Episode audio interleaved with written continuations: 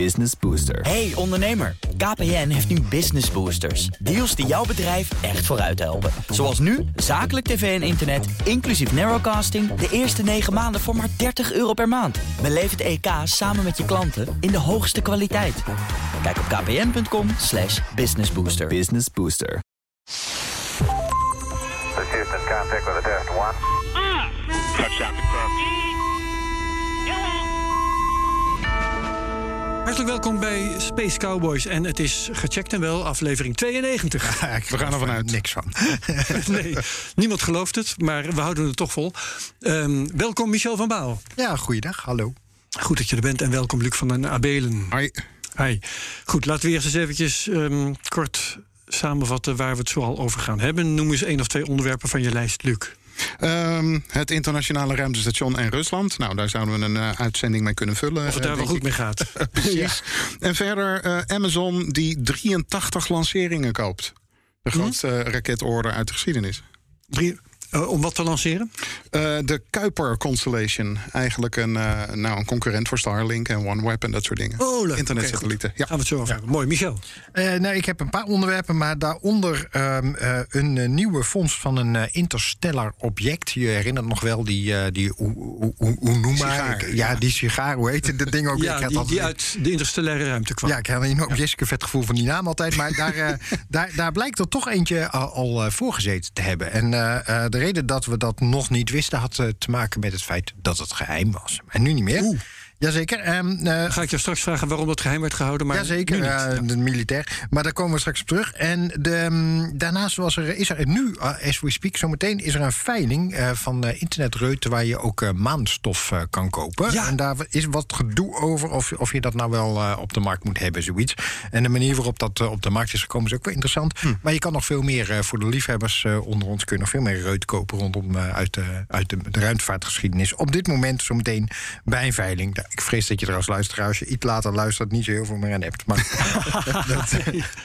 Maar misschien kunnen we dan nog. Nou, iedereen kan natuurlijk gaan eh, opzoeken hoe dat is afgelopen met die veiling. Ja, en hoeveel geld je tekort was gekomen eigenlijk. Ja. En dan had ik trouwens ook nog even iets over Neptunus. Maar daar komen we, komen we misschien Ja, het weer op we Neptunus, me niet vergis. Ja. dat hebben mensen in de show notes of eh, in de aankondiging misschien al kunnen zien. Ehm, ja, en ik ga misschien iets eh, nog vertellen over een documentaire over SpaceX. Die is verschenen. Ehm, die heet eh, Return to Space, geloof ik. Dat, als jullie straks aan het woord zijn, dan kijk ik dat nog eventjes na. Nee, Laten we gewoon beginnen, Luc, met jouw eerste onderwerp. Ja, precies. Ehm, het internationale ruimtestation. Nou, de samenwerking op ruimtevaartgebied staat natuurlijk eh, onder hoogspanning sinds de inval van Rusland in, in Oekraïne. Ja. Ehm, Roscosmos-directeur Rogozin ehm, eh, is een uh, fervente twitteraar geworden in, in die tijd. Uh, volgens mij doet hij inmiddels weinig anders meer dan, dan tweeten. Ja, het is en is ook, is ook een Poetin-getrouwe, hè? het is, het is een dik vriendje van, van Poetin. Ja, um, er zijn ook verder hele vreemde foto's van een clubje waar hij ooit mee um, heeft, heeft samengespeeld. Waar hij een Hitlergroet lijkt te brengen en iets. Je zegt samen gespeeld in de ja, muziek nou, of zo? Hij is daar kennelijk lid, lid, van geweest of zo. Dus het is, nou ja, goed. Een, een kleurrijk figuur. Laten we het daarop uh, op houden. Ja. Um, en uh, ja, eigenlijk vanaf het moment van de invasie uh, heeft hij heel fel gereageerd op de sancties die er vanuit het Westen zijn gekomen. Ja, ook gedreigd dat hij het zou laten neer, het ruimte ja, zou precies, laten ja, inderdaad. Nou ja, um, hij had um, de internationale ruimtevaartagentschappen zo ongeveer opgedragen van stop met de sancties, want uh, anders dan uh, komen er maatregelen vanuit ons. Uh, nou ja, ESA is niet zo erg in staat om sancties vanuit het Westen te stoppen, dus dat ging sowieso niet, niet lukken. Nee. Um, hij had inderdaad gezegd van nou, eind maart moeten jullie het laten weten. En um, inderdaad, in de eerste dagen van, van april heeft hij gezegd: Rusland trekt zich terug uit het ruimtestation. Um, ik zal binnenkort plannen richting Poetin sturen. En dan, uh, dan merken we het wel. Nou, uh, eerst een beetje geschokte uh, reacties. Um, Want ja. wat zou dat moeten inhouden? Rusland trekt zich terug? Dat ze de, ja, de, Russen Russische astronauten komen in- ophalen of zo? Dat is Ja. inderdaad maar de vraag. Eh, eh, het kan allerlei levels eh, eh, hebben. Eh, Cosmonaut. in principe eh, zou eh, eh, Roscosmos kunnen eh, besluiten van... eh, wij voeren geen vluchten meer, eh, eh, geen bemenste vluchten naar het station meer. eh, meer. Ja. Ehm, ja, daar snijden ze zichzelf natuurlijk ontzettend mee, eh, eh, mee in de vingers. Ja, maar er was wel iets met dat de, er een taakverdeling is. Dat Rusland bijvoorbeeld de navigatie doet van dat ruimte. Precies, nou ja, dat, dat zijn, dat zijn de, de, de hardware-matige eh, dingen. Ehm, Rusland is in ieder geval ehm, verantwoordelijk voor de standregeling van het, van het station. Nou, dat is belangrijk op momenten dat er ruimtevaartuigen aan moeten koppelen. de boel qua communicatie en qua energievoorziening goed. en het goed stand houden van de baan. Ehm, ja, dat doen ze dan weer met eh eh, progress eh Ehm, die brandstof, eh, schone onderbroeken, eh, experimenten en zo eh, aanvoert. Ehm, het motorblok van zo'n schip wordt dan gebruikt om het ruimtestation weer in een wat hogere of desgewenst lagere baan te brengen. Dat kan alleen Rusland verzorgen. Aan de andere kant is het Russische deel, een aantal aan elkaar gekoppelde Russische modules, afhankelijk van het Amerikaanse deel voor energievoorziening. Ehm, en verder, eh er zitten zoveel eh, leidingen en toestanden tussen die twee onderdelen dat het echt niet zo makkelijk is om daar. eh, Maar als Rusland zich zou terugtrekken, wat het dan ook precies zo, dan zou Rusland niet langer een probleem hebben, want ze zouden er niet meer zijn. En eventuele problemen zijn dan toch echt voor de Amerikanen. Eh, dat wel, maar het probleem eh, voor de Russen is dan inderdaad dat ze geen eh bemens ruimtevaartprogramma meer eh, hebben. Nee. En het laat zich ook aanzien. Hoewel ze met China iets aan het opbouwen zijn. Ja, in ieder geval een flinke dialoog die goed wordt gedocumenteerd. dialoog, Ehm, eh, het lijkt inderdaad voor de hand liggen van, nou ja, als ik ruzie krijg met de ene, dan ga ik toch bij de ander spelen. Eh, dat ligt wat ingewikkelder, want het ehm, Chinese ruimtestation zit in een baan die vanaf de Russische lanceerbasis niet bereikbaar is. Eh, dus je kan er niet Oh. komen. En dat is natuurlijk best een. Is best uit te probleem. leggen hoe dat kan? Ehm, dat heeft te maken met de, eh, de, de hoek die de baan van het ruimtevaartuig maakt met de Evenaar. Ehm, nou, als je. Dus dat betekent, het, het zou te veel energie kosten om. Eh, ja, ja, precies, inderdaad. Je zou eh, een, een Saturnus 5 nodig hebben om een Soyuz eh, naar dat ruimtestation eh, te brengen, bij wijze van spreken. Ehm, iets dergelijks. Maar eh, dat ligt dus niet zo eh, eh, voor de hand. Ehm, ja, Bovendien en. denk ik dat de Chinezen er ook helemaal niet op zitten te wachten. Nee, Op nee, samenwerking met de Russen. Nee, ze, willen, ze willen wel profiteren, denk ik. Maar weet je, het, het is, ze beschouwen volgens mij in die zin Russie- Rusland helemaal niet als een gelijkwaardige partner. Weet je wel? Dus die, eh, ik- denk niet dat ze. Dat, je, ze- als je wat kon China brengen. beschouwt Rusland niet als een gelijkwaardige partner. Nee, dat denk ik niet. Dat is wel Nee. eens andersom geweest. Ja, maar, dat, eh, nee, maar China is wat dat betreft qua omvang en qua investeringsmacht en geld wat ze kunnen besteden aan En wat ze presteren niet te vergeten. Eh, en wat ze presteren is natuurlijk op dit een moment, totaal ja. andere orde. Weet je, Ja, ja, Rusland ja. is nog aan het uitglijden op, eh, op wat ze konden in de jaren zeventig, om het zo maar even te zeggen. Maar, maar heeft in feite China helemaal niks te bieden. Nee. En eh, hoe heet het, Rusland kan helemaal niet weg. Weet je wel, dat, ik denk dat er ook wat wel. Uit het ISS. Nee, uit het ISS niet. En de, Nee, niet op korte eh, termijn. En ik denk dat eerlijk gezegd de mensen op de vloer ook dat ook helemaal niet willen. Weet je, die, eh, je hebt al één baas Nee. met die boze twitteraars. Maar ik denk dat Ja. de Russische ruimtevaartorganisatie daar nou ja, heel anders Die astronauten aan boord zijn tot nu toe redelijk solidair, heb ik de indruk. Klopt dat? Ja, eh, zeker. Nou ja, en je, je ziet wat er ehm, eh, inderdaad iets van twee weken geleden is gebeurd. Dat eh, eh, één Amerikaanse astronaut eh, ehm, op perfecte wijze met een Russische Soyuz eh, is, eh, is teruggekeerd met twee eh, Russische collega's van hem. Eh, rondom eh, ehm, de tv-uitzending daarvan. eh, er is totaal geen enkele treiteractie geweest of een referentie naar, eh, naar de oorlog. Het is allemaal Dus die heel erg, Rogozin kan twitteren wat hij wil, eh, wordt niet naar hem geluisterd. Eigen nou ja, hmm, kijk, dat, dat weet ik niet. Kijk, het, het punt is natuurlijk wel, waar we, waar we ehm, eh, voor staan, is dat eh, ISS op dit ogenblik eigenlijk gecertificeerd is ehm, eh, vanuit alle partners tot 2024. Ja. Ehm, ik hou het wel voor mogelijk dat eh, Roscosmos gaat eh, zeggen van... oké, eind 2024 stappen wij uit. Eh, wij gaan niet meer verlengen tot 28 of zelfs tot 2030... zoals eh, eh, Amerika graag, graag zou willen. Dus ehm, het duurt dan allemaal nog wel eventjes een, een tijdje. En ehm, nou ja, ik denk dat er een hele hoop astronauten... ehm, die op de rol staan om expedities te gaan vliegen... en ook heel veel wetenschappers die allerlei experimenten hebben ge- gepland ontzettend pissed off zouden zijn als het eh, inderdaad in 24 ophoudt. Aan de andere kant mm, had, had ik bedacht van ja, eh, NASA heeft natuurlijk wel eh, een heel nieuw eh, en ontzettend duur project te doen, Artemis. En dat is de toekomst. Ja. ik kan me voorstellen dat er ook een paar mensen zijn eh, bij NASA die zeggen van ruimtestation maar op. We kunnen ons dan eh, volledig richten op, eh, op de maan. Ja, wat, wat ook in de achtergrond nog wel, denk ik, meespeelt, is dat zo'n eh, ruimtestation wordt door een soort ge- gezamenlijke besluitvorming eh gemanaged. Dus over heel veel dingen moeten ze gezamenlijk besluiten. Sowieso. Kijk, ja. en wat, wat Rusland zal zich niet terugtrekken, maar ze kunnen natuurlijk wel heel hinderlijk zijn door gewoon overal niet tegen te gaan zeggen. hè? Weet je wel dat ook volgens mij, ik weet niet hoe het nu zit, maar bij crew rotations ook de bezoeken van commerciële astronauten aan het ruimtestation, wat we net hebben meegemaakt. Ja. Weet je wel, ehm, je hebt redelijk wat blokkeermacht in dat systeem. je kan precies. gewoon heel, heel chagrijnig overal nee tegen gaan zeggen. En Ja. dat gaat vermoedelijk helaas wel gebeuren. Ja, dat- eh, dus het dat- verdienvermogen van... eh, nou, het, gewoon het, beste van de andere partij. Weet je wel, eh, eh, kun je, daar, kun je, daar heb je best wel wat instrumenten voor. Eh, je mag alleen hopen dat de chef van Rosmosrov niet precies weet hoe het werkt. Ja. en dat, Ja, en dat ze je- mensen hem niet gaan vertellen hoe het werkt. Nee, nee, nee, precies. Nou ja, goed. Wat ik eerder zei van ja, ze zouden zichzelf ook vreselijk in de vingers snijden. Er staan eh, ehm, eh, betalende passagiers te wachten om met de Russen mee te mogen vliegen. Las vandaag, en dat wist ik nog helemaal niet, dat er iemand uit Noorwegen aan het, aan het is. hey, wacht eens even, hoe werken de sancties daar? Eh, ja, dat is een goeie. Dat zou ik inderdaad niet, eh, niet weten. Het was een foto Is van. misschien al betaald. Eh, ja, zou kunnen, inderdaad. Maar ja, eh, er zijn wel meer dingen afgesproken die uiteindelijk toch eh, niet doorgaan. Eentje, ja, die zullen de dans wel ontspringen. Er is een contract om met één missie twee astronauten uit de Verenigde Arabische Emiraten te vliegen. Ja, die zijn kennelijk niet zo ontzettend tegenstander van wat er allemaal gebeurt in Rusland. Dus d- dat zal wel doorgaan. Maar dan moet wel het station actief zijn. Ehm, dus Rusland kan zijn poot stijf houden en zeggen we, stappen uit. Maar daarmee snijden ze ook eh, een inkomstenbron eh, eh, Ja. af. en dat, dus dat, daar hebben dus de, de andere partijen volgens mij dezelfde tegenhindermacht in principe Ja. om nee tegen te zeggen. Weet je wel, van, eh, eh, om- zo'n zo'n vlucht niet, die, die mensen niet toe te laten in het gezamenlijke domein. Want dat is in Ja. feite wat je doet. Dus als de Russen overal nee tegen gaan zeggen, ja, dan gaan aan de andere kanten tegen dit soort dingen Ja, nee. En als er een, want het gaat over betaalde passagiers, die breng- brengen redelijk wat geld in het laadje. Dus iemand ergens moet daar, daar baat.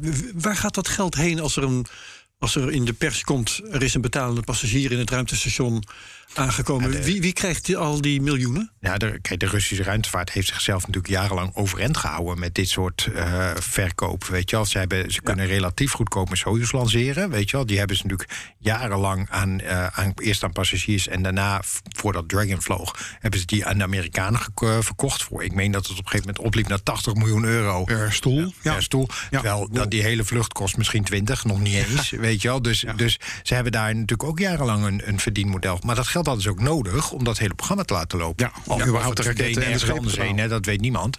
Maar, maar dit was natuurlijk jarenlang gewoon een, een soort van noodgedwongen melkkoe. melkkoe.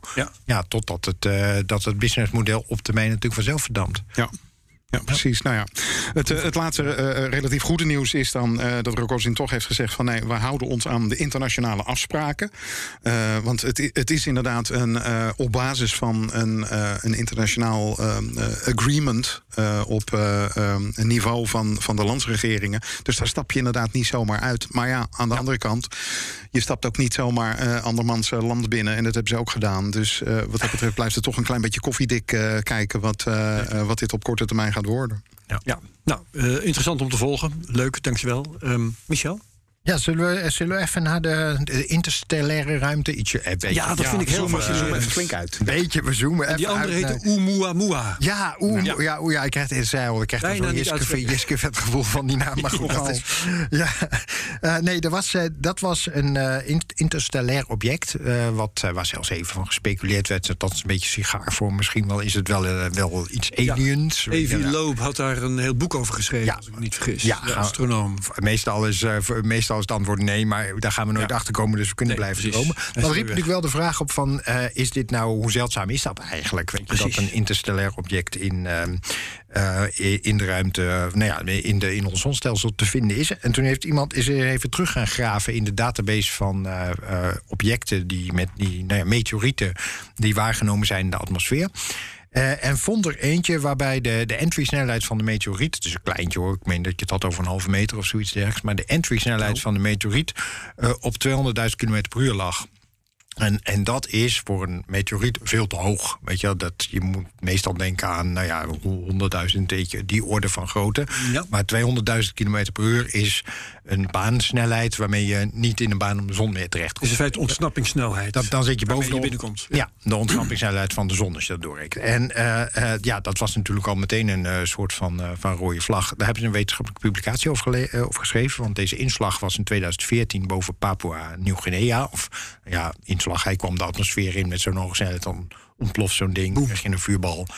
En ehm, eh, nou ja, dat eh, wordt volgens Pat dat Dus niet ehm à la dat eruit eh, aan diggelen gaan. Nee, hij was maar, ja, hij was maar klein, hè? Dus het was maar een nou ja, halve ik, ik weet nooit precies, maar een halve meter en dat dan boem kan Ja. ook aardig ingrijpend zijn. Dat zou kunnen, maar het was wel boven de zee. Dus, het, Dus dat, ja, dat was dus in, in ieder geval geen schade, maar wel. Nee. En, en, en bijna niemand heeft er iets van gemerkt. Nou, nee, sterker nog, daar, zit, daar, zit, daar gaat dit verhaal inderdaad naartoe. Ja. Want hij, was, hij is weliswaar gedetecteerd. Maar ja, hoe wordt zo'n inslag dan gedetecteerd? Door Amerikaanse sensoren die eigenlijk bedoeld zijn... eh, voor het detecteren van, eh, nou ja, van, eh, van wapens in de ontploffing in de atmosfeer. Weet je ja, dus dat, en ehm, de Amerikanen zijn eh, geheimzinnig over hoe, hoe goed die detectoren nou precies zijn. Dus die onderzoekers die wisten al 200.000 km per uur ongeveer, eh, weet je wel, die eh, inslagsnelheid. Alleen kregen dat niet gepubliceerd in een blad, omdat ze namelijk niet konden aantonen dat die eh, sensoren daadwerkelijk gevoelig genoeg zijn om die snelheid zo goed te kunnen bepalen. Dat zijn ze wel, maar dat mochten ze niet publiceren. Weet je? Dus de Amerika of eigenlijk de mensen die dat konden bevestigen, weigerden te bevestigen dat het zo goed was. Ja, als, als ik het even in wetenschappelijke termen ver- vertaal. De waarde waar het om ging, die was openbaar. Maar de foutmarge was staatsgeheim. Dat, eh, precies. De- het zat hem daar vooral dat. En daardoor werd hij in de peer review werd hij niet geaccepteerd. Ja, je kon niet bewijzen dat het inderdaad daadwerkelijk... eh, dat je zo nauwkeurig kon bepalen hoe hoog die entry-snelheid was. Nou, dat heeft eh, dus eh, eh, eh, volgens mij eh, eh, eh, hoe het, vijf jaar geduurd... voordat nu uiteindelijk de Amerikanen hebben bevestigd... weet je, vanuit eh, de militaire component zeg maar, heeft bevestigd... dat inderdaad die nauwkeurigheid klopt. En, dat, eh, en dus hebben we nu officieel vastgesteld eh, dat er in 2014 al eerder in onze eh, atmosfeer een interstellair Ja. eh, object is eh ontploft. Maar Michel, dan hebben we NS2. Dan kun je nog geen statische... Nee, drie. We hadden er nog een. Ja, dat, ja, er was er in tussentijd nogal een. Ja, ik ben, Nog ben hem even kwijt, maar er was een, een tweede object al gedetecteerd, dus NS3. Eh, ja, en wat natuurlijk meteen de achterliggende vraag nu wordt, of de, de uitdaging wordt, kunnen we stukjes interstellaire komeet uit die zee gaan opvissen? Want eh, eh, ze zijn nu serieus aan het kijken. Het lijkt me een onmogelijke klus, maar serieus aan het kijken. Waar ligt die nou? Ja, of ze, je weet natuurlijk ongeveer waar die inslag was. Weet je wel, waar die. eh, Als het op- grote hoogte is gebeurd, dan is het toch één grote paraplu geweest. eh, ja, maar ze willen het toch proberen. Althans, ze zijn aan het, met de oceanografen aan het kijken van kunnen we op een of andere... Ik heb natuurlijk ook geen idee hoe diep de zee daar is. Hè, dat maakt denk ik ook uit. Maar, maar ze willen daadwerkelijk op zoek naar eh, naar kleine fragmenten. Fragmenten van deze... Nou ja, en- want ja, het zou toch wel voor het eerst interstellaire eh, ruimte eh, object zijn. Ja, Ja. zonder is het. Maar je praat dus over iets wat dan al acht jaar op de zeebodem ligt. Daar is al eh, redelijk wat sediment overheen gegaan, stel ik.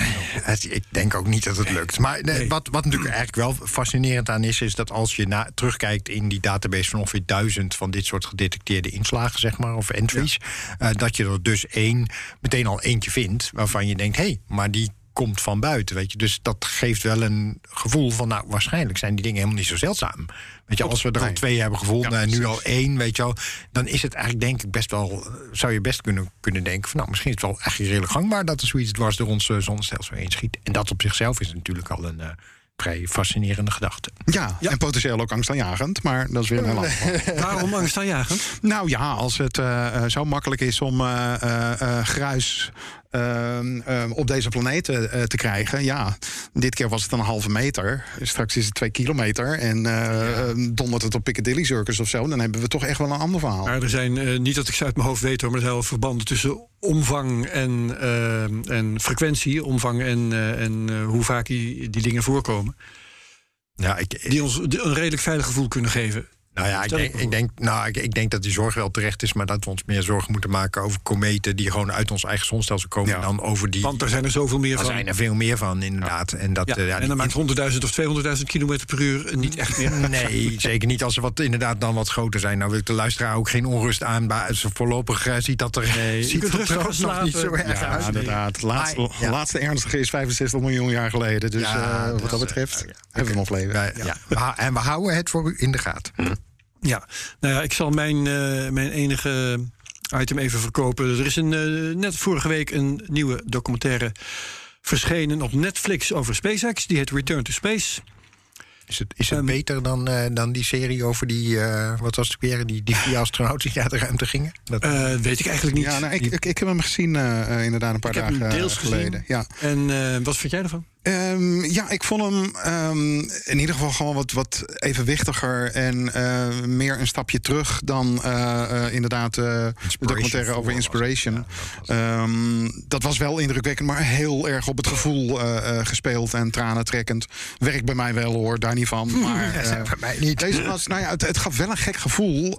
omdat de documentaire over Inspiration 4. Die ligt alweer enige tijd achter ons. Ja. Ehm, de missie waarop deze documentaire zich richt. Vond daarvoor plaats. Dus ehm, eh, chronologisch loopt het een beetje, een beetje gek.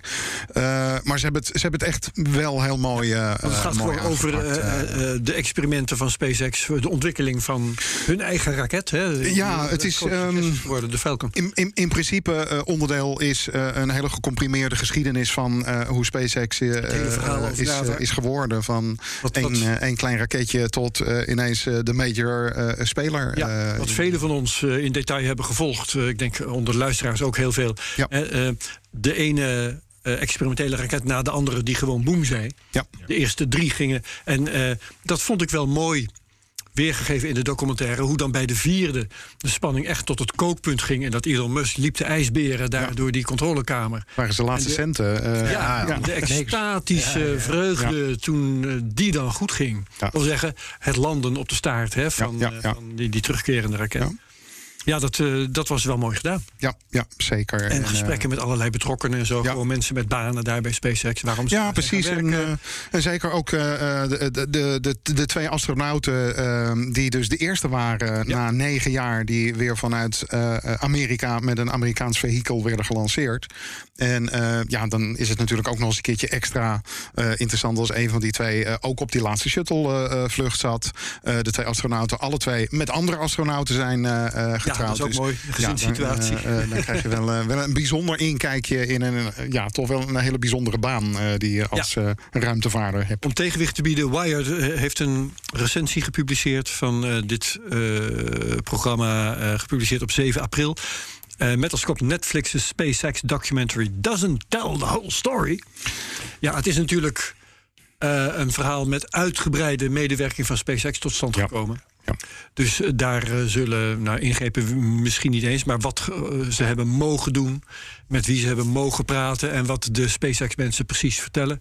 Nou, ik, Daar zal wel Ik heb zijn. met, de, de jongens van Hyper, ik heb misschien wel eens eerder gezegd, met de jongens van Hyperloop wel eens geweest bij, eh, bij SpaceX in Hawthorne. En eh, met, ook met journalisten, zeg maar. En die mogen daar echt helemaal niks. Je, dus het, nee, dus dat was, en dat Dus was wat echt, verwacht je, dat is echt geen open bedrijf. Weet je. Nou, ja, precies. nou ja, en dat- dat is natuurlijk ook het grote verschil met ja, documentaires die je over Apollo of de shuttle had. Ja, dat, was, eh, dat waren eh, gewoon overheidsprogramma's. Be- belastingbetaler heeft dat gefinancierd. Dus die heeft ook het recht door, eh, op, om, om te weten wat er, wat er gebeurd is. Eh, Ja. ja. maar dat is nog niet alsof NASA heel erg makkelijk is in even bijvoorbeeld negatief nieuws. Nee, oh nee. Dat, is, De ruimtevaart dat, is- wat business anders. Maar is ontzettend Ah, eh, erotisch als het gaat om Nee, ongunstige berichtgeving. Nou, kijk maar naar Artemis. eh, de, ik Ja. weet niet of we daar Daarvoor nog even gaat tijd voor hebben straks. bedragen. Ja. Ja. nee, dat ook. En de belangen zijn te groot. Eh, maar Wat hier overigens ook wel meespeelt, hoor, eh, dat is niet alleen SpaceX zelf, maar SpaceX valt onder die, eh, die exportwet, wet, die Ja, de export ITAR. van ITAR. Dat zocht ik. Die valt onder de ITAR. Kriegsentscheidende technologie. Ja, en dat, dat is wel, eh, weet je, dat, dat- dan mag je ook eigenlijk meteen bijna niks meer. Hè? Dus, dus daar is ook wel, dus dat ze kunnen, nou ja, ze worden ook wel wettelijk gedwongen om heel gesloten te zijn. Ja, precies. Nou ja, goed. Een van de, Ja. van de, van de grote, ja, niet dramatisch, maar verschillen die mij dan opvallen. Eh, uit eh, eh, de tijd van Apollo en Shuttle kwam NASA altijd met hele grote opengewerkte tekeningen van zo zit het van binnen allemaal in elkaar. Die heb je dus inderdaad niet van, van SpaceX. En ja, er zit gewoon veel intellectual property in. Dus er valt geld te verdienen. Eh, ook door ehm, concurrenten die meekijken. Dus word je wat voorzichtiger. En eh, ja, in eh, anderhalf uur het hele verhaal vertellen. Dat lukt natuurlijk nooit. Het is trouwens twee uur, hè? Het duurt twee uur. Oké, right. Maar Jij beoordeelt het dus ondanks het hoge PR-gehalte als een. eh, Ik vind hem echt eh, waard. moeite waard. En eh, ja, smaak Heb jij hem gezien, Michel? Nee, nee, ik, ik ga, ga dat eh, denk ik in ieder geval even proberen als ik het zo hoor. Dat, als het beter is dan Inspiration 4, dan vind ik het al winst. Want dat was echt niks. Kijk, ja. ik denk dat dat het geval is. Dus mooi. Eh, even kijken, we gaan een tweede rondje doen, Luc. Ja. Ehm, nou, laten we dan eh, SpaceX eh, eh, toch maar eventjes eh, Zijn toch pakken. bezig, ja. Ehm, nou, we hebben natuurlijk ehm, die, eh, dat hele gekke jaar meegemaakt... dat er elke maand een Starship eh, werd, eh, werd gelanceerd... en al dan niet uit elkaar knalde bij de landing.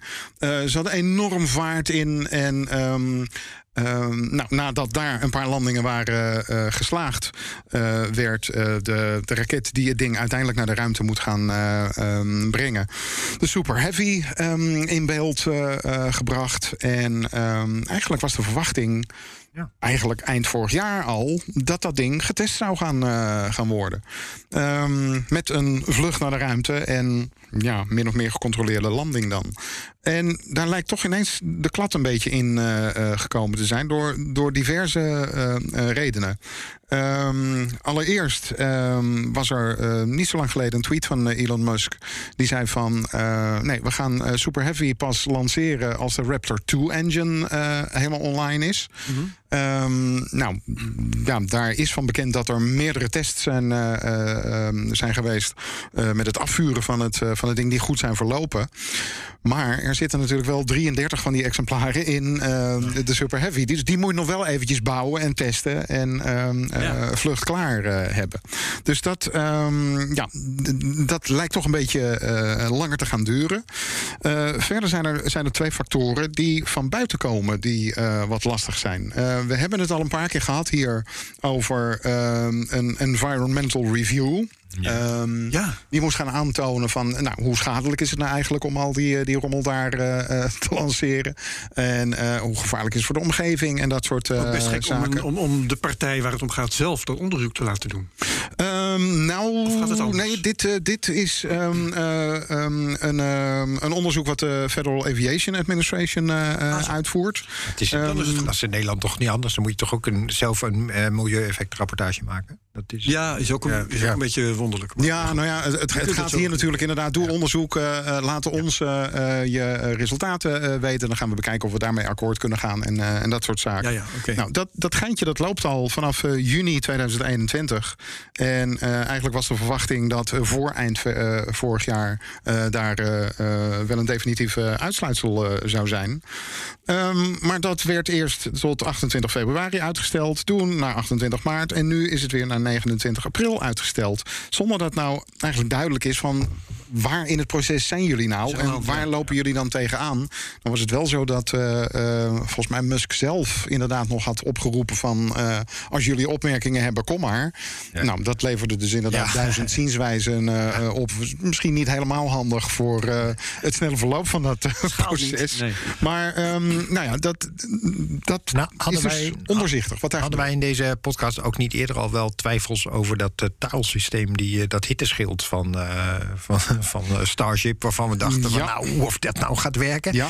dat er al gewoon afviel. Dat- en er was volgens mij was ook nog een dingetje met, met ook de, überhaupt de veiligheid vanuit de regulering. Hè, op het moment dat die lancering over Amerikaans land zou gaan, Ja. dat ze daar ook wel zeggen van ja, wacht even, maar als jij over bewoond gebied gaat lanceren met dat ding, dan uh, gelden er wel een paar eisen. Weet je? Ja, Dus, precies, inderdaad. Die hebben wel meer uh, gedoe. Vandaar dat je ehm, ja, traditioneel altijd aan de, aan de oostkust van Amerika eh, zit met lanceerbasis. ook Boca Chica, waar het, eh, waar het hier over gaat. in oostelijke richting. Ja, precies. En lekker over de oceaan. Dus eh, dan is de, de kans dat je, dat je mensen treft eh, of hele belangrijke infra- infrastructuur eh, sowieso kleiner. Ja. Ehm, Ja, maar hier moet je ook nog terugkomen. Hè? En er was volgens Ja. mij, ik meen me te herinneren dat er dat of je eerst over land of uh, pas aan het eind van je orbit nog over Amerika heen Ja. komt. Weet je? Dus, precies. dus er zitten wel volgens mij hier specifieke problemen aan, uh, risico's in deze vlucht. Ja, ja, inderdaad. Re-entry, eh, eh, nou, ja, Shuttle deed dat ook altijd. eh, ja, over land. eh, om, eh, om goed op een landingsbaan te kunnen aanvliegen. Dat, dat zal niet radicaal verschillen als je op een, eh, op een platform eh, rechtop staand gaat, eh, gaat landen.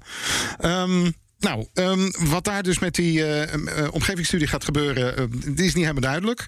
Ehm, dan is er nog iets anders. Ehm, dat is de Army Corps of Engineers. Die is aan het bestu- bestuderen op welke manier SpaceX hun Starbase wil uitbreiden. Ja. Ehm, En wat is Starbase? Starbase is die, die grote site in Boca Chica... waar eh, tot nu toe alle Starships eh, zijn, eh, zijn gebouwd en getest en geland... en aan elkaar zijn, eh, zijn geknald.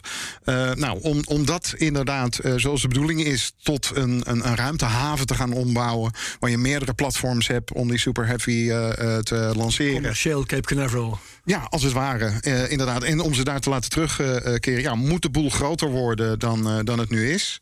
Ehm, nou, heel overeenkomstig met, eh, met Kennedy Space Center is dat die, die beide sites in natuurgebieden, beschermde natuurgebieden liggen. Ehm, dus het gaat er nu letterlijk over van ja, jij wil jouw ehm, parkeerterrein voor Starbase in een stukje moeras eh, aanleggen. Maar de rugstreeppad. Bijvoorbeeld, maar ook gewoon, daarbij gaat x vierkante meter aan eh eh, swamp verloren. Waar denk je dat eh, te compenseren? Compenseren. Nou, ehm, Nou, nou moeten we natuurlijk wel zeggen dat de Amerikanen eh, best wel goed zijn om, eh, om dit soort dingen eh, up te fuck, om het zo maar even te zeggen. Weet je, als ze commercieel iets willen. Ja. Dus, dus Ja. dat je daar een beetje toezicht op houdt, dat. Abs- absoluut, inderdaad. Het, wel het, suf, billiger. Ja, het is alleen dat wat er nu gebeurd is, eh, dat die Corps of Engineers eh, heeft gezegd: ehm, eh, we hebben de aanvraag gesloten, want we hebben te, te weinig of te onduidelijke informatie gekregen. Eh, nou ja, kennelijk heeft Musk al het een en ander aan nattigheid gevoeld, want hij is heel druk bezig om zeg maar binnen het hek van lanceerplaats 39B, waar vroeger de Saturnus en de shuttles en nu dus ook Fal- Falcons en Falcon Heavy wordt gelanceerd, om daar een lanceerplatform voor de Super Heavy eh, eh, te bouwen. Dat gaat heel snel en ehm, ja, het lijkt, het lijkt erop dat hij eh, op twee paarden aan het, aan het wedden is en zeggen van nou, ik dupliceer doodgewoon de hele infrastructuur ook in Florida en ja, misschien is het inderdaad ook wel handiger om alles daar te concentreren als, als hopelijk dat ding binnen een paar jaar operationeel is. Voelt als een nou, enorme machtsstrijd. Volgens mij is die de hele tijd al gaande tussen, tussen Musk en de Amerikaanse overheid. En Dat, Ja. eh, Nou ja, dan denk ik, oh, daarom wil hij Twitter hebben. Ja, Weet je, dat is, eh, wat, wat, wat, wat dat betreft is het natuurlijk heel erg. eh, Alles heeft met eh, alles te maken. Ja, heel erg gek dat aan de ene kant eh, eh, SpaceX eh, de concurrent is. eh, terwijl die wel door NASA, dus de overheid, is ingehuurd om eh, mensen naar de maan eh, eh, te gaan Ja. brengen. Dus, nou ja, goed. financieel van afhankelijk is. Eh, ja, ja, precies. Eh, di- dit verhaal wordt eh, denk ik pas eh, duidelijk als over tien jaar eh, het boek hierover wordt, eh, wordt geschreven. Want het inzicht hebben we nu echt Dat niet. ga jij doen, of niet? Eh, nou, nee, nee, nee. Michel dan misschien. Oké, leuk. Eh, Michel, Ja, eh, we, we hadden het, ik had het net al over eh, eh, mogelijk dat we stukjes eh, interstellaire stof uit de, uit de atmosfeer gaan eh, halen. En dat is een bruggetje naar maanstof, eh, ietsje dichterbij. Want eh, op dit moment, eh, ik, ik kondigde aan de inleiding al aan, is er een. ehm, een, eh, vandaag is er een eh, veiling. En een van de dingen die je daar dus kunt kopen is maanstof. En dat is nogal omstreden, omdat eh, NASA altijd geprobeerd heeft om dat spul niet op de markt te krijgen. Weet je? Dus om, de, om daar gewoon. nou ja, je kunt het zelfs in Nederland. Er staat een stuk maansteen in Space Expo. Hè. Je, het is, je kunt het her en der vinden. Maar ze proberen te voorkomen dat het particulier eigendom komt. Maar wie verkoopt het nu dan? nou, dat is een dubieus verhaal. Want dit, eh, dit eh, stof is afkomstig van een eh, zak. De tweede zak waar Neil Armstrong zijn, zijn maan, zeg maar, zijn, die, had samples gemaakt. Dat had hij in een zak gedaan. En vervolgens had hij die zak, vanwege, nou ja, het is venijnig spul, dat maanstof. Had hij in een andere zak gedaan. Om te zorgen dat je dat nou ja, niet in je capsule krijgt straks. En die tweede zak, die is via een of ander. Ehm, nou ja, een van de museum. En daar heeft iemand een privé meegenomen. Zo'n soort verhaal, weet je. En die heeft hem vervolgens weer verkocht. Nou ja, lang verhaal. Ehm, en en heeft, vervolgens heeft, heeft iemand die hem heeft gekocht... eh, NASA gevraagd om te kijken of het stof wat, in, wat aan die zak zat, zeg maar. Dus het is eigenlijk niet de sample zelf, maar stof wat in die zak zat... eh, of dat inderdaad van de maan kwam. En dat heeft NASA onderzocht eh, met, met samples in een elektronenmicroscoop. En die hebben gezegd, ja, dit komt inderdaad van de maan. Deze structuur is... Dus zeg we, maar- we hebben het eigenlijk over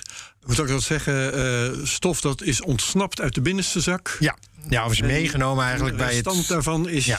eh, in, de buitenste zak. En dat is. Om, om hoeveel stof gaat het dan? Ja, mi- microsamples. Nee, echt. maar eh, no- ja, heel weinig. Het is echt heel weinig. En het, het, het, zijn, het is echt een doosje met samples. Weet je wel, wat, wat NASA heeft onderzocht. En wat is dat waard, schatten ze, denk je? Het, Eh, ja, hoe, om hoeveel samples gaat het? vijf. Vijf samples. samples. Met, ehm, ja, daar, ik, het, zal, het zal heel weinig zijn. Heel weinig. maar dan, dan denk ik dat je toch wel eh, tussen de 10.000 en 100.000 dollar per sample uitkomt. Ze, ze verwachten dat er eh, 800.000 tot een mo- 1,2 miljoen voor betaald Ja, het is, Voor één sample. Nee, voor het doosje. Vijf. ja, ja, Ja, ja. dat zat ik orde. het is natuurlijk wel Apollo 11. Dus En het is eerste landing, Ja, ja, ja. Armstrong. En het is niet te kopen. Hè? Dat maakt het natuurlijk ook duur. Het feit dat dit een van de weinige eh, uniek. dingen is. In, ja, in principe is wel, eh, alles wat ja. van de maan komt en met Apollo eh, eh, te maken heeft gehad, dat gewoon staatseigendom. Ja, ja. Behalve dus datgene wat door NASA aan musea is ge- gelegd. Maar ja, dan kom je Nou, maar blijft, nee, die- het blijft eigendom van NASA hoor. Oké, Je krijgt het is, in- je- het is bruikleen. Je krijgt het in leen. Ja, dat weet ik toevallig van Space Expo. Maar dat is in leen van, eh, van NASA. Eh, dus het blijft altijd eigendom van NASA. Maar, maar kan degene die dit nu aanbiedt dan niet acuut aangepakt worden? Nou, daar is, dat, dat is het probleem. Er is inderdaad tegen deze man die het in eerste instantie had ontvreemd, soort van uit dat. eh, Ja. eh, maar ook degene die het daarna heeft gekocht, weet je, is, daar is inderdaad tegen geprocedeerd. Maar uiteindelijk heeft de rechter eh, gezegd dat degene die het nu heeft, het eigendomsrecht heeft. Hm. Dus die mag het blijkbaar toch verkopen. Ehm, eh, waarschijnlijk omdat het zo in die. Nee, het zit, Verjaard misschien? nee het, het zit natuurlijk gewoon. Ja, ja, het is geen officiële sample geweest. Het was rommel wat is Ah, gekomen. ja, weet je, het is natuurlijk, precies. het is natuurlijk gewoon strijkstok. ja, die zijn letterlijk aan de binnenkant van de zak blijven hangen. Weet je, dat is. eh, dat is eh, ja. Dus die. Nou ja, goed. Het is, het is een maas, om het zo maar even te zeggen. En eh, ja, als je het maanstof wil hebben, dan moet je nu heel snel. Maar als je dit later luistert, dan waarschijnlijk ben je te laat. Naar die eh, specifieke website. Ver- verder trouwens kun je er eh, vooral foto's kopen met handtekeningen en zo. Weet je al, vintage, voor 1000 tot 2000. Ja. Wat ik nog wel een interessante vond, is dat je de, de mock-up van. ehm, eh, van de, wat is het ook weer, van de Explorer 1 kunt kopen. Eh, dus de Explorer 1 was de eerste Amerikaanse satelliet die ze eh, na, eh, zeg maar in paniek nadat de Russen met ehm Sputnik omhoog gegaan waren. En dan moesten de Amerikanen ook iets. Nou, die hebben uiteindelijk Explorer 1 gelanceerd. En die, dat is een satelliet van, nou, wat zal het zijn, ongeveer een meter hoog. Met een hele smalle neuskegel van een Een soort potlood. ja, potlood van een meter. Maar daar hebben ze bij het testen een, een, een ja, soort van neppert... waar geen instrumenten in zaten voor gebruikt. En die is ook nog te kopen voor de lieve som van zo'n 40 à 60.000 dollar. Oké. Mocht je geïnteresseerd zijn in Paterfanalia, dit is je kans. Ja, en en eigenlijk, het hoor je je dan kans. wie er geboden hebben? Is daar iets over bekend? Nou, het moet nog gebeuren. Oké, dus ja, ja. eh, we zitten echt eh, midden live in de, in de action, zeg maar. Goed, over twee weken dan misschien Precies. daar nog iets over. Dat was het voor eh, dit onderwerp. Voor dit onderwerp wel, ja. Ja, nou goed, ik, ik pas verder, dus eh Luc mag weer. Yes. Ehm, Amazon, eh, Ja. de bekende eh, online winkel, eh, nou, houdt zich eh, tegenwoordig ook met hele andere dingen bezig. Ehm, ze hebben de, ehm, het grootste contract voor het eh, lanceren van satellieten eh, ooit getekend. Ehm, 83 lanceringen. Eh, verspreid onder eh, eh, drie raketten. Ehm, de, ehm, de Vulcan, de Ariane 6 en de New Glenn. We hebben die als gemeenschappelijke aspect dat ze geen van drieën nog hebben Nog bestaan. Dus d- dat is, dat is sowieso wel, eh, wel spannend. Eh, wat ook opvalt, ehm, is dat SpaceX er niet tussen zit. Maar dat is natuurlijk eh, eigenlijk voor de hand liggend. Water en vuur. eh, Eh, meneer Bezos is eh, baas van, eh, eh, van Amazon. En, ehm, Hoewel je toch van, van dat soort geharde business tycoons zou verwachten... dat ze op een gegeven moment eieren voor hun geld kiezen. En dat Nou de ja, goedkoopste. dat- heet het? eh, Bezos moest wel, eh, dus eh, Blue Origin moest dan meebieden, gewoon competitief meebieden in, de, in, de, in dit proces. Weet je, Ja, dus die ja, kregen, precies. kregen niet, althans ogenschijnlijk, geen eh gunstbetoon. Nee, Hoe zeg je dat? Geen voorkeurspositie. Nee, nee, precies. Maar, Over- Overigens grappig, jij zegt ze houden zich met iets heel anders bezig. Dat, toen dacht ik meteen, nou, volgens mij helemaal niet. Weet je wel, want zo'n satellietnetwerk van, eh, vanuit Amazon is eigenlijk veel logischer dan Starlink. Want ja, wat ga je dan natuurlijk doen? Iedereen die via Ja. dat netwerk online komt, het eerste wat je natuurlijk op je telefoon ziet, is de website van Amazon. Ja, ja, weet je wel, waar je iets mag kopen. Weet je wel, dus vanuit het, het monopoliseren van die webwinkelbusiness is het eigenlijk een voor de hand liggende. veel logischer wat wat Amazon doet dan wat SpaceX doet. Want die, hebben, eh, die hebben daar geen secundair belang bij. Ja, behalve geld verdienen voor Mu- Musk's megalomane ideeën. Ja. Maar bij Amazon is het qua businessmodel veel logischer. Ja, ja, precies. Nou ja, inderdaad wel een, eh, een ontzettende eh, opvallende eh, in ieder geval. Ehm, nou, die, die 83 lanceringen zijn dan bedoeld om het Kuiper-netwerk te lanceren. Inderdaad, internetsatellieten. Heel erg vergelijkbaar met Starlink en, en OneWeb. Ehm, nou ja, ehm, hoeveel dit nou precies gaat opleveren, dat wordt niet bekendgemaakt. Nou ja, dat weten ze zelf natuurlijk ook nog niet. Eerst, eerst klanten hebben. Nee, ja, nou ja, goed. Er is nu te- wel gewoon een handtekening gezet voor die lanceringen. Dus ja, die zullen betaald Ja, die eh, lancering eh, wordt betaald. worden. Maar nee, ook, ik dacht, dacht dat je bedoelde voor Amazon. Want die gaan dus een of andere nering opzetten om internet Ja, precies. te Och, voorkomen. eh, het zal, het zal ook geld gaan op. ongetwijfeld eh, doorgerekend zijn en uiteindelijk wel, wel winst gaan, gaan opleveren. Nou ja, het gaat om eh, eh, 3236 satellieten. En dat ik moet. wilde je nog vragen, hoeveel is dat per lancering? Maar, dus de 3000 moeten we delen door 83? Nou ja, zo, zo werkt het dan toch net weer even niet. Oh nee? Ehm, want ehm, eh, ja, de, eh, de, de, de raketten. in ieder geval zo'n 30 à 35 ehm Ja, het, het, worden in ieder geval ehm, Als je eh, deelsommetje 18 eh, eh, Ariane 6'en. Ehm, dan gaan er eh 12 met Blue Origin mee. En de overige valt daar dan eventjes ertussenuit. Maar Ariane kan er tussen de 35 en 40 meenemen. Vulcan eh 45. En New Glenn eh, kan er 61 per lancering eh, mee omhoog eh, brengen. Oké. Ehm, ja, nou ja. eh, In theorie. Op papier. In theorie, nou, dat, dat is dus inderdaad het, eh, het, eh, het dingetje. Eh, kijk, grote, grote contracten, die hebben we inderdaad allemaal wel, eh, eh, wel vaker gezien. Maar dat geen van de drie raketten nog eh, gevlogen heeft. En eh, Ariane 6, ja, eh, vertraagd. Maar is denk ik wat mij betreft de beste gok. Ja. Eh, de Vulcan heeft nog steeds zijn motoren van Blue Origin, niet. En ehm, ja, of de New Glenn überhaupt Uiteraard bestaat. ook niet. Ja. Dat, dat weten we eigenlijk niet. Want we hebben tot nu toe alleen maar een hele grote sigaar, een soort lege mock-up zegt dit, gezien. Maar- zegt dit contract ook iets, of dit persbericht, wat is het? ook iets over wanneer die lanceringen dan moeten gaan plaatsvinden? Dat zou Ehm, het moet voor het eind van 2025 allemaal gebeurd zijn. Oké. Ik, ik Nou. denk dat die ook wel meespeelt dat je ehm, eh, aan boord wil, wil zitten van die, van die launch ma- manifests van die, van die partijen. Weet je? Want als jij straks op een gegeven moment komt eh, en je zegt, nou, nu heb ik heel veel lanceringen benodigd. Sorry, we zitten Ja. vol. Ja, Ja, precies. weet je wel, eh, achteraan aansluiten in de rij. Of, ja, of, of, ga, of ga maar naar die Musk. Weet je wat je natuurlijk eh, ook bij OneWeb zag. Hetzelfde soort discussie. Precies, ja. Waar ze echt gedwongen werden om naar Musk te gaan. Omdat eh, die, die zouden eerst met Soyuz. Eh, maar ja, dat, dat werd een... eh, feestje is afgelopen. Ja, dat is afgebroken. Dus die moeten nou naar Musk. Maar feitelijk heb je dan, moet je dan naar je concurrent. Weet je wel, eh, die, die jou dan moet... Nou, dan ga je de hoofdprijs betalen. Dat weet je van tevoren al. Ja. Dus ik, ik denk dat ze gewoon hun risico's aan het spreiden zijn. En Ja. ik kan zo dat dit soort contracten ook een bepaalde voorlopigheid hebben. hè. Weet je, zo'n soort een deel is optie, weet je al. eh, ja, zeker. Het, het is niet. Ja, eh, en ik, ik had het net over een deelsommetje, maar als ik het vermenigvuldigingssommetje maak van wat jij net opsomt, dan hebben ze redelijk wat overcapaciteit voor de ja. 3000 satellieten. Met andere woorden, ze kunnen zich misschien nog best permitteren inderdaad dat een van die drie partijen uitvalt. Ja, precies. En bo- bovendien, eh, dat is het voordeel van, eh, van dit soort satellieten. Natuurlijk, die worden aan de lopende band eh, gebouwd. Kosten Ja. niet zo ontzettend veel. Dus je kan je zelfs ook hier en daar nog een mislukte lancering permitteren... zonder gelijk in de problemen eh, te Voor komen. ons eenvoudige internetgebruikers betekent dus dat we straks niet alleen terecht kunnen bij Starlink, maar ook bij Amazon. ja, maar hoe duur voor monopolies? Dat is Ja, wel. maar dan echt, is het juist geen monopolie meer. Ja. Nog even Ja, ja, laten dat je nog allerlei Ja. andere eh, internetverbindingen ook kunt krijgen. Dus eh, het veld, het aanbod Ja. neemt alleen maar toe. Ja, maar je weet, je weet eigenlijk van tevoren al, en eh daar mag u me over tien jaar op afrekenen, weet je, er gaan van deze drie grote partijen die nu al bezig zijn met zijn netwerk, en zijn er volgens mij nog er meer, maar ik uit, ken er ja. drie, dan, ga- dan gaan er gewoon een paar echt op een gruwelijke manier failliet.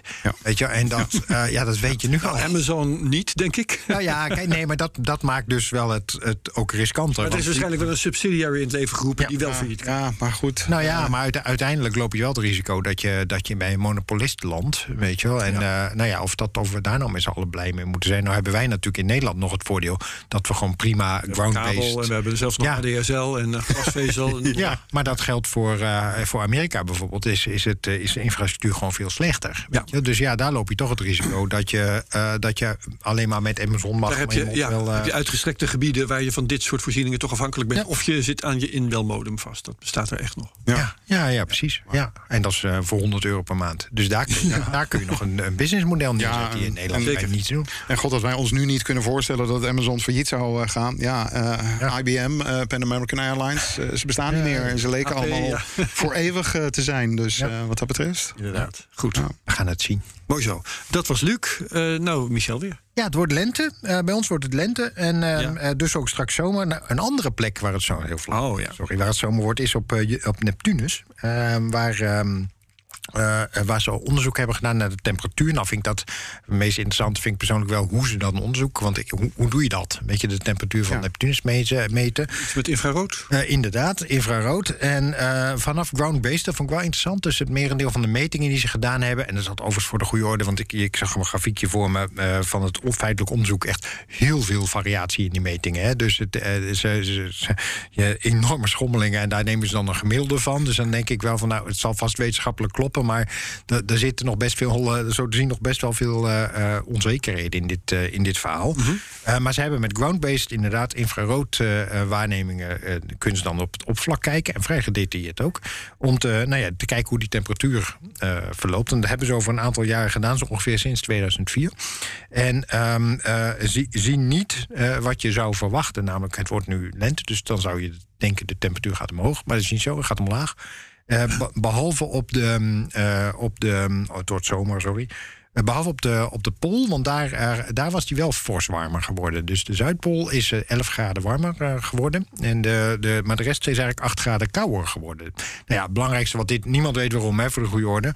het belangrijkste wat het bewijst is dat we eigenlijk nog niks weten van dit soort reusgasplaneten, hoe die werken. Ja, ja want Ja, er, je- er zijn natuurlijk allerlei stromingen Ja. die die warmte weer verdelen. Ja, en wat ook wel een mooie, mo- mooie altijd is om, om je te eh, om in je achterhoofd te houden als je één keer naar zo'n planeet kijkt, zo'n momentopname, het zegt eigenlijk heel weinig. Weet je, je, je, je, zo'n zo'n ding verandert, weet je, en hoe dat dan werkt, ja, dat vereist best wel veel. Hij draait om zijn eh, as en waarschijnlijk is die as ook eh, scheef. Ja.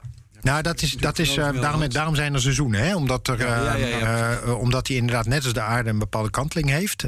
waardoor hij inderdaad een seizoensidee, concept heeft... wat een beetje lijkt op dat van ons. Alleen duurt een seizoen daar 40 jaar. Eh, met een omloopbaan van 167 jaar. God, dan zou je een slechte zomer hebben, zeg. Ja, ja, ja. nou ja, weet je wel. Of, Of eh, een droog jaar. niet van winter houden, ja, precies. Nee, dat. eh, nou ja, eh, vervolgens natuurlijk wel de vraag van. Dit altijd, hè, eh, dit eh, weten we nu. En, en dit is vaak de reden waarom dit soort persberichten naar buiten gaan. Trouwens, by the way, weet ik uit ervaring. Is, is omdat het ook aankondigt dat er een stap na komt. Van rara, wie moet dit nu natuurlijk echt gaan onderzoeken? James Webb. Weet wel? En, Meer onderzoek is noodzakelijk. meer onderzoek is uiteraard na. En dat is dus de taak van James Webb, want die zit in het eh, infrarood. En daar willen ze Miri voor gebruiken. Die kennen wij, want die is Nederlands. Weet je, dus uiteindelijk moet, moet ons Hollandse instrument dit, eh, dit grote vraagstuk de komende jaren gaan eh, Kijk. oplossen. Goed zo, ja. Nou ja, ik, Waarin een klein land groot kan. Ik vind, ik vind inderdaad verbazingwekkend hoor, die- hoe, hoe ontzettend ingewikkeld die, eh, die gasreuzen eh, zijn. Ehm, ik heb eigenlijk nooit meer gehoord eh, over, over Saturnus. Eh, daar is op een gegeven moment, volgens mij aan de, aan de Noordpool, zo'n een beetje een zeshoekige formatie van wolken eh, Ja, gevonden. dat is waar. En weet jij het, Michel, daar Nee, ooit, ooit een verklaring voor is gevonden hoe dat ontstaat? Maar volgens mij het feit dat die, dat die enorme eh, eh, rode vlek, zeg maar, die Ja. me- me- megastorm, dat die langzaamaan verdwijnt, dat begrijp ik Ja. volgens mij ook niet. Dat is Jupiter. Nee, Ja. nee, nee Oh, precies, Jupiter, sorry. inderdaad. Die, ja, Ja, ja, dat- inderdaad. Die is, eh, die is even lang stabiel eh, geweest. En ineens in hoog tempo aan het, eh, aan het krimpen. eh, nu als het zo doorgaat, dan maken we mee dat die, eh, dat die Ja. verdwijnt. Ja. Ja, er bijzonders in ons leven. Ja, ja, precies. Ja. Nee, het zijn wervelingen hè, de- en daar zit eh, de chaostheorie achter. Ja, dan kan je dus alles verwachten. Dus, eh, maar ontzettend interessant. Dat, En eh, meer onderzoek is altijd eh, goed. Ja, ja altijd precies. Luc. Ja, ik, eh, ik heb er nog eentje. Ehm, eh, nou, Mi- Michel is hier ontzettend fan van, eh, eh, weet ik. De eh, Axiom eh, One bemanning is aan boord van het ruimtestation. Yeah. Ehm, ja, toch, toch weer eventjes eh, eh, bijzonder. Want het is voor het eerst dat een compleet eh, eh, civiele eh, missie naar het ruimtestation gaat. Ehm 55 eh, eh, miljoen per stoel hebben drie miljonairs en filantropen, wordt heel erg benadrukt, neergeteld om die missie te kunnen vliegen. Onder commandantschap van Michael Lopez Alegria, een, een, een ex-NASA-astronaut die drie vluchten heeft gemaakt. Nog wel iemand met een rijbewijs meegestuurd. ja, precies, inderdaad. Heel ervaren man. Als er wat fout gaat, hij heeft verschrikkelijk veel ervaring. Hij is de enige die tien ruimtewandelingen eh, ooit heeft, eh, heeft gedaan. Ehm, missie van, eh, van acht dagen. Kan lopend terugkomen. Bij wijze van, hè? Inderdaad. Het is wel een eentje, maar eh, eh, niet te min.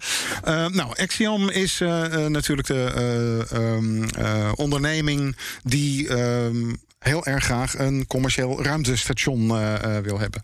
Oh ja. Dit is daar eigenlijk een voorbereiding eh, op. Ze gaan een beetje kijken hoe werkt dat nou om dat op privébasis allemaal te ondernemen. Ehm, in 2024 moet er dan de eerste module worden vastgemaakt aan het International Space Station. Daar wordt van alles aan toegevoegd, onder andere ook een, een hele set grote zonnepanelen. Om uiteindelijk, voordat ISS ermee ophoudt, af te koppelen en een onafhankelijk commercieel eh, eh, station te zijn. Nou, ik stel daar altijd eh, ontzettend mijn vragen bij. Ehm, natuurlijk, deze drie eh, filantropen die, en dat geloof ik best, iets terug willen doen aan de maatschappij, eh, nemen allerlei ehm, eh, experimenten mee. Maar ze nemen ze inderdaad een mee. ruimtereisje. Ehm, ja, nou, het, het wordt toch kennelijk best eh, ehm, eh, eh, heel serieus aangevlogen. Volgens mij gaat er meer dan 100 uur in, eh, eh, in experimenteertijd eh, zitten. Punt blijft natuurlijk altijd dat de vergelijking gewoon zo mank gaat. Ehm, Ik, ik zou die lui ook heel veel proefjes laten doen. trouwens, Precies. Hoor, want anders gaan ze Ehm, met de fik aan andere dingen zitten. dus je kunt ze maar beter aan het. Bijvoorbeeld, maar ook vanuit de instituten die die experimenten leveren, ja. ja, die hoeven daar niet voor te betalen. Ehm, en een internationaal of een, eh, een commercieel ruimtestation ga je straks natuurlijk eh, exploiteren. Ja, en dan zal je betalende klanten moeten hebben. En die business case heb ik nog altijd niet gezien. Eh, we hebben deze geintjes eerder gehad eh, eh, eh, in, de, in de jaren tachtig. Toen werd er ook van alles geopperd.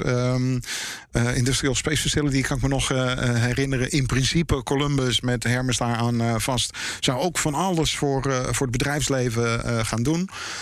Maar die vraag is, is gewoon nooit gekomen. En ik betwijfel zo ontzettend of die nu gaat, eh, eh, gaat komen. Want Ja, Eh, ik, ben, ik ben ook sceptisch. Dat, Ja. wat ook vaak het probleem met dit soort dingen is... je, je- vaak heb ik toch het idee... als je dit soort experimenten dan goed bekijkt... want gaan ze nou eigenlijk doen...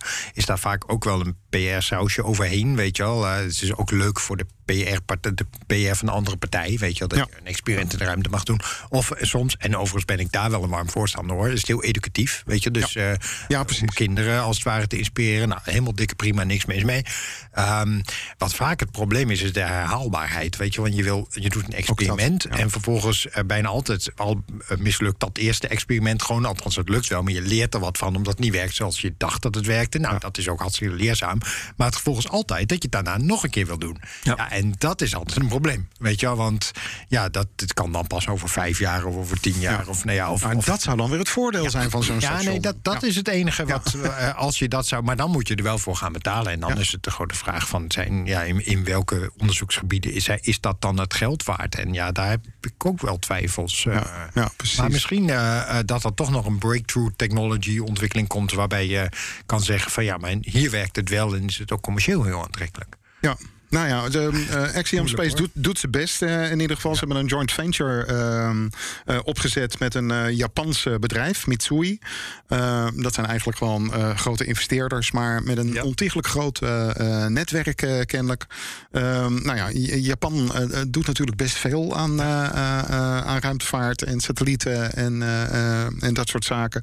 Dus misschien dat dat ze gaat, gaat helpen om, om toch klanten te, te winnen. Want ja. dat moet wel gaan gebeuren. En Axiom is niet, eh, niet de enige. Hè. Er zijn eh, vier grotere initiatieven voor commerciële ruimtestations. Nou, die gaan het dus ook niet alle vier redden. Daar, eh, daar kun je wel wat op innemen. Ja, ja, ja. Dus ehm, Ik denk eerder dat voor een tijdje, weet je wel, dat, dat die hotelgedachte, weet je wel, je mag naar boven voor, een, voor drie dagen en dan, en dan weer naar beneden. Space B&B. ja, de meest idiote vakantie gehad die, je- die je kan, kan wensen. Ja, er, zijn, er, zijn, er is natuurlijk een groep mensen die het kan betalen. Ja. Ja. Weet je, ja en, maar, maar noem het dan ook gewoon zo. Valt mij niet meer lastig. Weet je, dan, Nee, precies. nou ja, en eh, als we het dan over PR eh, hebben, dat is al wel gebleken dat eh, die toeristen niet op ontzettend veel bijval uit, eh, uit de gewone eh, samenleving Nee. zeg maar, eh, kunnen, kunnen rekenen. ik moet zeggen, je hoort over als- deze vlucht hoor je ook wel weinig. Ik, ik krijg er niet veel van mee. Nee, nou ja, er, er schijnen, zag ik langskomen op YouTube, dagelijkse kleine updates te zijn. Maar ehm, nou ja, misschien is dat ook wel deel van het PR-probleem. Dat ze niet precies weten hoe ze hiermee moeten omgaan. Want Nee, maar het is waarschijnlijk toch hoofdzakelijk human interest. ja, En met een vrij lage nieuwswaarde. Eh, ja, Nee. precies. Nou ja, en bovendien, eh, dit Ja, zijn ja. al de, de zoveelste miljonairs die naar de ruimte Dat gaan. is ook zo. Die we, Ja, die we het afgelopen Ja, dit- half jaar hebben meegemaakt. Dus Het Apollo 13 probleem. Wel, dat je bij Apollo 13 ook zag dat de Amerikanen geloofden het wel in Amerika. Tot Ja. het misging. En dat Precies. ga je hier natuurlijk ook zien. Ja, inderdaad. De, de eerste keer dat dit eh, gigantisch in het nieuws gaat komen. Als een, eh, als een bemanning het een keertje niet overleeft. En eh, Nou ja, of, of als iemand zich daarboven gaat, eh, iets gaat doen... wat hij absoluut niet had moeten doen, weet je wel. En daardoor, ja, dat, nou ja, weet je... Hier de knop indrukken. Ja, goed, dat daar, daar- daar wijze gaat, van, je, ja. het- dit is een verhaal wat natuurlijk zit te wachten op een incident, helaas. Ja. Weet je, dat is Ja. niet anders. ja, precies. De- Wat wordt er eigenlijk gedaan om dat te voorkomen? Want die mensen krijgen natuurlijk wel instructie. Ja. Dat ze overal vanaf moeten blijven en zo. Maar eh Ja, enig idee hoe, die, hoe, hoe dat Nou, zij, eh, zij hebben in ieder geval veel meer training eh, eh, gekregen dan. eh, ehm, eh, er werd inderdaad gezegd van ja, eh, de meeste toeristen eh, die eh, krijgen 10 tot 5 uur training. ja, die eh, club om- die met eh, Jeff Bezos omhoog Ja, ging. ja, eh, precies, Dat om was een- echt even... Ja, dat, dat, dat, dat, dat is gewoon ontzettend, eh, ontzettend eh, weinig. Maar, Maar, je cursus ehm, M&M happen en dan ben je er wel klaar voor. ja, precies, inderdaad. Nee, zij, eh, eh, zij claimen dat deze, deze crew zo'n eh, eh, zo'n 750 tot 1000 uur training heeft, eh, eh, heeft gehad. Maar dat zal dan vooral gaan over hoe werkt dit apparaat? Eh, hoe zet ik het aan, zet ik Ja, het uit, doe ik de? Eh, ja, ja, precies. Dus interessante vraag die we niet beantwoord krijgen is ook maar wat betekent dat voor de reguliere crew? Hè? Want, want er komen dan wat mensen bij.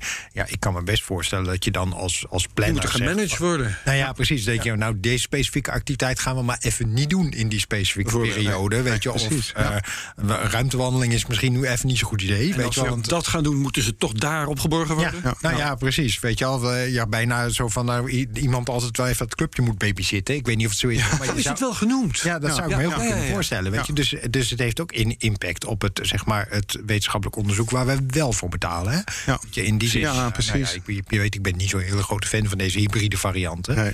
nou, het is ook wel opvallend dat ze hier al mee beginnen voordat ze hun eigen module eh, aan Ja. boord hebben natuurlijk. Want dan, ja, je, je- kan zelfs in twijfel trekken van, eh, ja, wat, wat leer je nou eigenlijk? Eh, je zit in andermans huis, dus dan weet je nog niet hoe je straks je eigen station moet, eh, eh, moet voeren. Dus, eh, nou ja, we, zullen, we zullen zien. Er komt vast weer een documentaire over. Ja, en dan ja, kunnen we ja. weer precies zien wat er gebeurt. Ja, ja. Tot slot, eh, nog best een lijvig onderwerp. Stel ik me voor, we hadden het allebei ingediend, Michel. Artemis. Artemis, ja, de, eh, de, de lancering van de. Of de lancering, wat zeg ik? De test was, was maar zo mooi.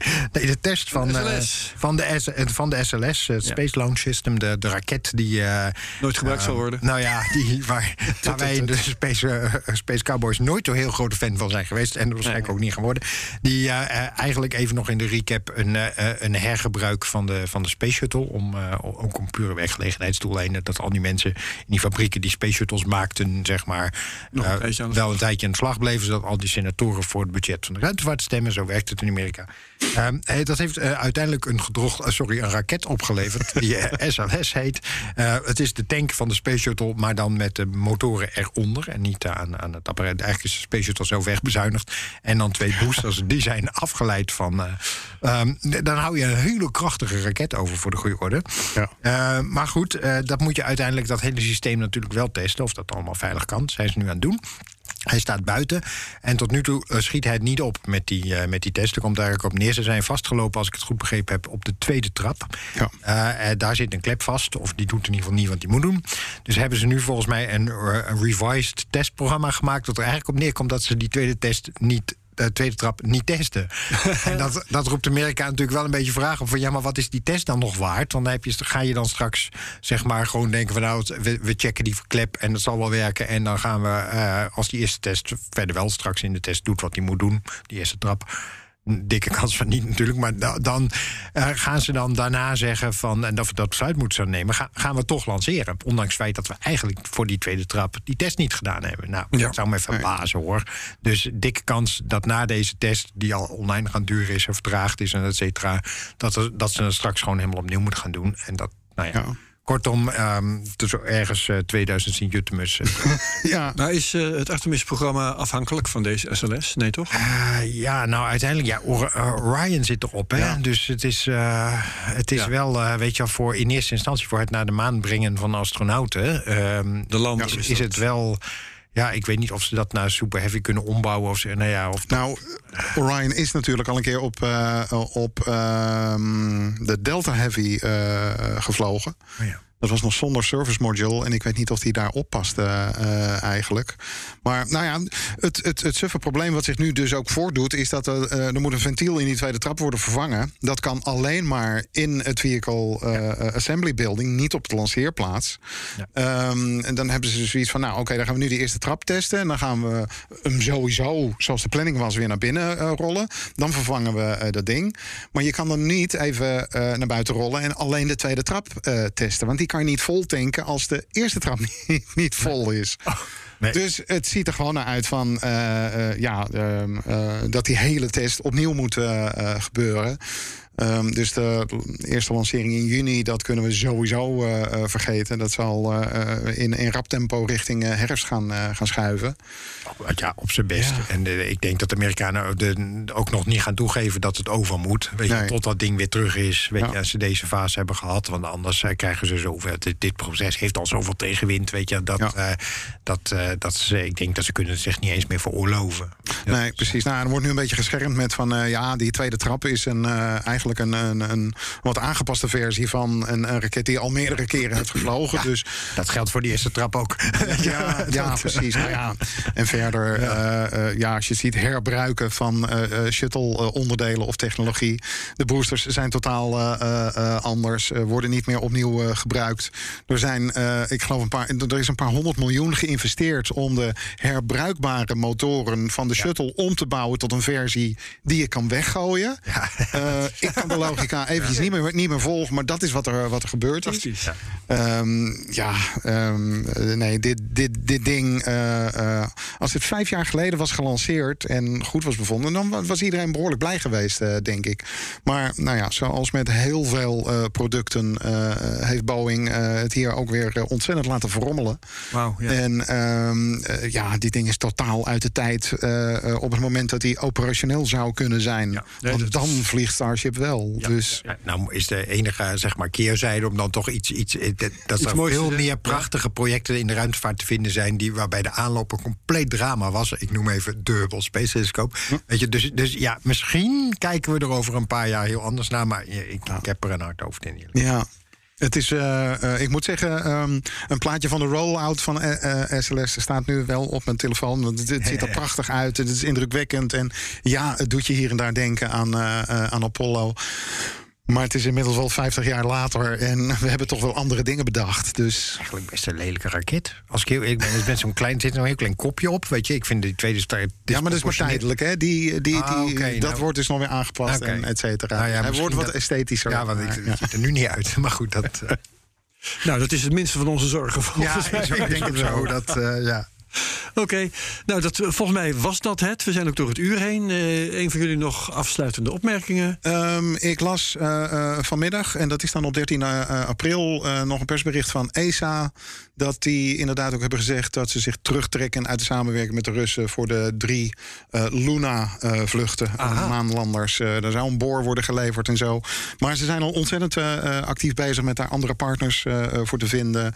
En eh, eh, die maanboor die zou al mee kunnen met met, eh, met een NASA-missie. Ja, dus, eh, dus als de samenwerking bij het ISS niet eh, wordt opgezegd, dan hier wel. ja, ja, precies. Maar nog is het treurig. Maar goed. Ja. Natuurlijk is het dat. Ja. Ja, is jammer. Ja. Zeker. Oké, Michel nog wat? Eh, nee, eh, behalve dat eh, moeten we niet eens een Space Cowboy naar Amerika sturen, zeg maar, eh, om eens even zelf Nou, we hebben er een in Amerika zitten op dit moment. Ja, ja, dat weet ik wel. Oké, Bruggetje, daar, daar wou je naartoe. ja, precies. Oké, dankjewel voor deze kans. Ehm, even kijken, het is nu de 13e. Over twee weken dan hebben we de 27e Koningsdag. En ehm, dan heeft eh, geen van ons eigenlijk zin om hier in de studio te gaan zitten.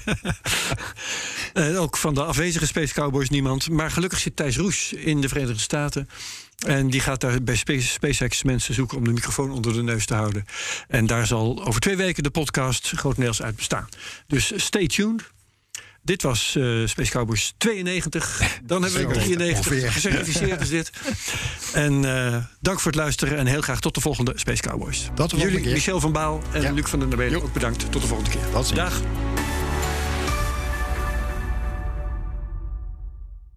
Business Booster. Hey ondernemer, KPN heeft nu Business Boosters. Deals die jouw bedrijf echt vooruit helpen. Zoals nu, zakelijk tv en internet, inclusief narrowcasting... de eerste 9 maanden voor maar 30 euro per maand. Beleef het EK samen met je klanten in de hoogste kwaliteit.